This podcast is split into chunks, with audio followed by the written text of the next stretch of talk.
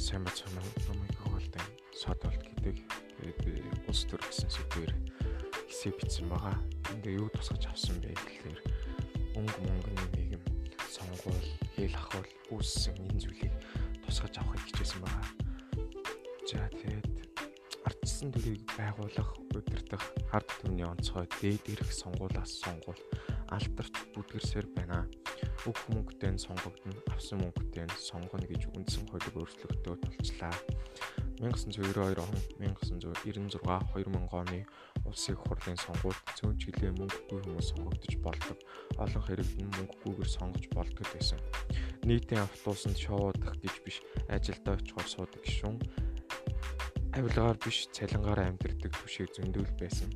Одоо тийм тэнэг гişүн байна уу гэж асуух татуулаад байна. Сайнаар хэлбэл эцэг хийх нь зүүн мэдрэмж, амин зуулган хэрэгцээ, шаардлага муугар бол бэлэнчлэг сэтгэлгээ бас шунлыг нь дүүсэн хүүхдийн 10 мянгаттай. 2004 он өнгө мөнгөний сонгуул нийтийг хамарсан хавхуулыг эхлүүлж билээ. Хариуд нь хувьсгалт ном хайр сэтгэл явдал хорин гэрэлтгийгч хагас саяар биеийг үнэлэх нэг ясандаа гэр бүлийг бэхжүүлэх биш үүмүүлэх хавхуулыг зарлаж өнгө мөнгөний уралдааныг хордлуулж ирсэн билээ нэр дэвших эрхийг мөнгөөр худалдаж авдаг. Такс төлбөрөөр намын бүх шатны өдөрдөх байгууллагад ордог мөнгөн дүнгийн ус төр энэ үеэс ирж авч угаалгын нутаг далай ламын зурагтай номноос сэтгэдэггүй байсан сонгогчдын гарыг өндрүүлэх төрөл зүйл өргөн хэлбэртэй болсон.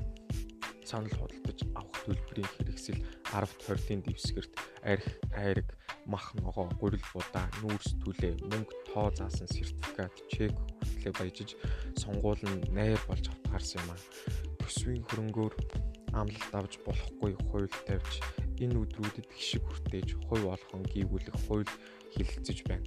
Ил зүйл тараасан бол иргэнийг 130 албан тушаалтныг 250 хуулийн этгээдийг 700 мянга хүртэл төгрөгөөр торгох нь тэдгээрийн хувьд толгой ирсэн заалт болж өөрсөн юм аа. Саналын хуудасаа бухалдаж овоолдоггүй, тоолохгүй уншдаг олон сонголттой 2008 оны сонгуулийн төлөөс таван алтай юм болж хөрсөн юм аа.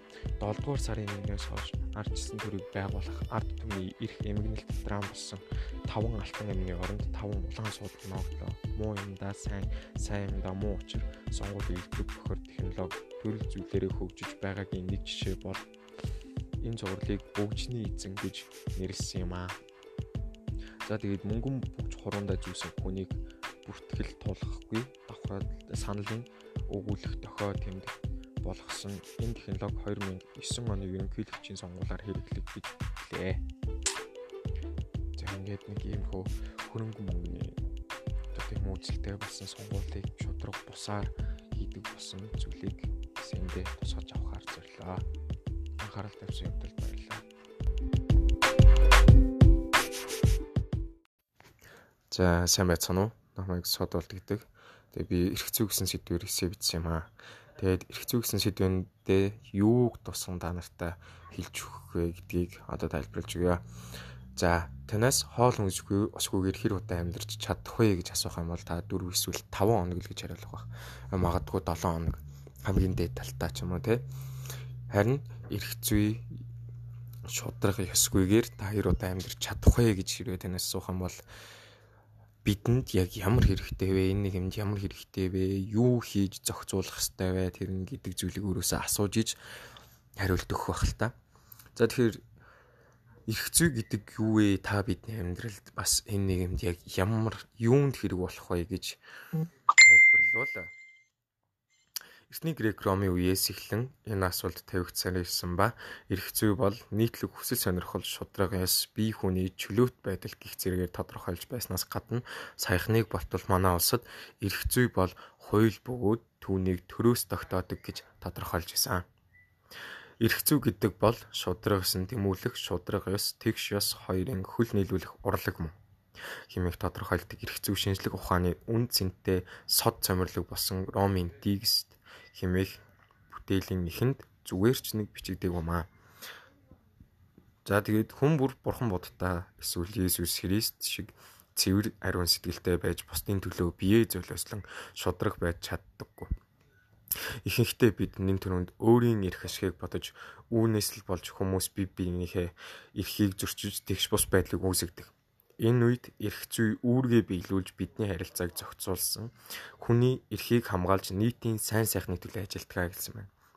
Хэрвээ бид бүх зүйлийг шударгаар хандаж, өргөлж бие биенийхээ төлөө амиа өгөхөст буцахгүй байсан бол бидэнд эрх зүй зохицуулт хизээч хэрэг болохгүйгээр зөвхөн хайр сэтгэл үүнийг шүүмжилж бидний харилцааг зохицуулж өгч тэгж бие биенийхээ эрхийг зөрчихгүй байхад туслах байсан бахаа гэж би бодож байна.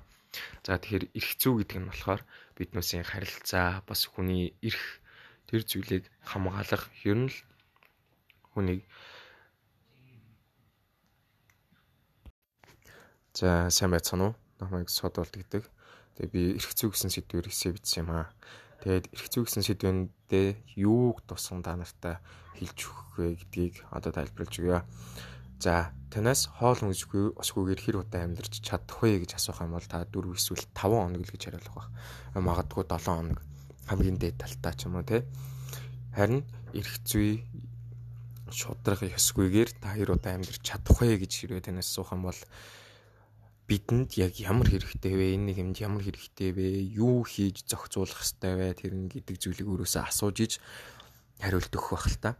За тэгэхээр эрх зүй гэдэг юу вэ? Та бидний амьдралд бас энэ нэг юмд яг ямар юунд хэрэг болох вэ гэж тайлбарлуулаа. Эртний грек ромын үеэс эхлэн энэ асуулт тавигдсаар ирсэн ба эрх зүй бол нийтлэг хүсэл сонирхол шударгаас бие хүний чөлөөт байдал гих зэрэгээр тодорхойлж байснаас гадна саяхныг болтол манай улсад эрх зүй бол хууль бөгөөд түүнийг төрөөс тогтоодог гэж тодорхойлж исэн. Эрх зүй гэдэг бол шудраг гэсэн тэмүүлэх шудраг ёс тэгш ёс хоёрын хөл нийлүүлэх урлаг мөн хэмээх тодорхойлдог эрх зүй шинжлэх ухааны үн цэнтэй сод цомирлог болсон Ромын текст хэмээх бүтээлийн эхэнд зүгээр ч нэг бичигдэг юм аа. За тэгээд хүн бүр бурхан будтаа эсвэл Есүс Христ шиг цэвэр ариун сэтгэлтэй байж бусдын төлөө биеэ золиослон шудраг байж чаддаггүй. Ихэнхдээ бид нэн төрөнд өөрийн эрх ашигыг бодож үүнээс л болж хүмүүс бие биенийхээ эрхийг зөрчиж тэгш бус байдлыг үүсгдэг. Энэ үед эрх зүй үүргээ биелүүлж бидний харилцааг зохицуулсан хүний эрхийг хамгаалж нийтийн сайн сайхныг төлөө ажилтгаа гэсэн байна. Хэрвээ бид бүх зүйлийг шударгаар хандаж, өргөлж бие биенийхээ төлөө амиа өгөхөст буцахгүй байсан бол бидэнд эрх зүй зохицуулт хизээч хэрэг болохгүйгээр зөвхөн хайр сэтгэл үүнийг шүүмжилж бидний харилцааг зохицуулж өгч тэгж бие биенийхээ эрхийг зөрчихгүй байхад туслах байсан бахаа гэж би бодож байна. За тэгэхээр эрх зүй гэдэг нь болохоор биднээсийн харилцаа бас хүний эрх тэр зүйлийг хамгаалах ер нь л хүнийг За сайн байцгаана уу? Намайг содолт гэдэг. Тэгээ би эрх зүй гэсэн сэдвээр эсээ бичсэн юм аа. Тэгээд эрх зүй гэсэн сэдвэндээ юуг тусган та нартай хэлж өгөх вэ гэдгийг одоо тайлбарлаж өгье. За танаас хоол хүнсгүй осгүйгээр хэр удаа амьдарч чадах вэ гэж асуух юм бол та 4 эсвэл 5 хоног л гэж хариулах байх. Магадгүй 7 хоног хамгийн дээд талтаа ч юм уу те. Харин эрх зүй шудрах ёсгүйгээр та хэр удаа амьдарч чадах вэ гэж хэрвээ танаас асуух юм бол бидэнд яг ямар хэрэгтэй вэ? Энэ юмд ямар хэрэгтэй вэ? Юу хийж зохицуулах хэрэгтэй вэ? Тэр нь гэдэг зүйлийг өөрөөсөө асууж иж хариулт өгөх байх л та. За тэгэхээр эрх зүй гэдэг юу вэ? Та бидний амьдралд бас энэ юмд яг ямар юунд хэрэг болох вэ гэж тайлбарлуулаа. Эртний грек ромын үеэс эхлэн энэ асуулт тавигдсаар ирсэн ба эрх зүй бол нийтлэг хүсэл сонирхол шударгаас бие хүний чөлөөт байдал гих зэрэгээр тодорхойлж байснаас гадна саяхныг болтол манай улсад эрх зүй бол хууль бөгөөд түүнийг төрөөс тогтоодог гэж тодорхойлж исэн.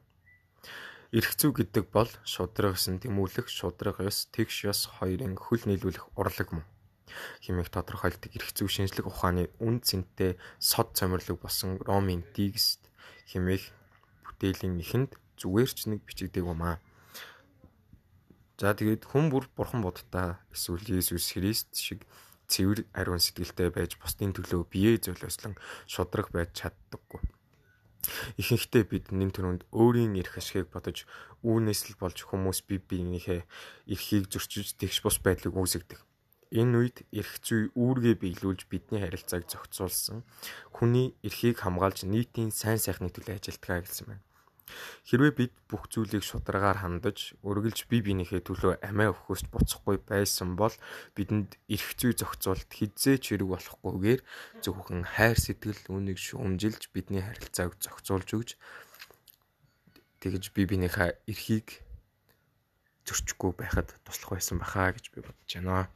За тэгэхээр эрх зүй гэдэг нь болохоор биднээсийн харилцаа бас хүний эрх тэр зүйлийг хамгаалах ер нь л хүнийг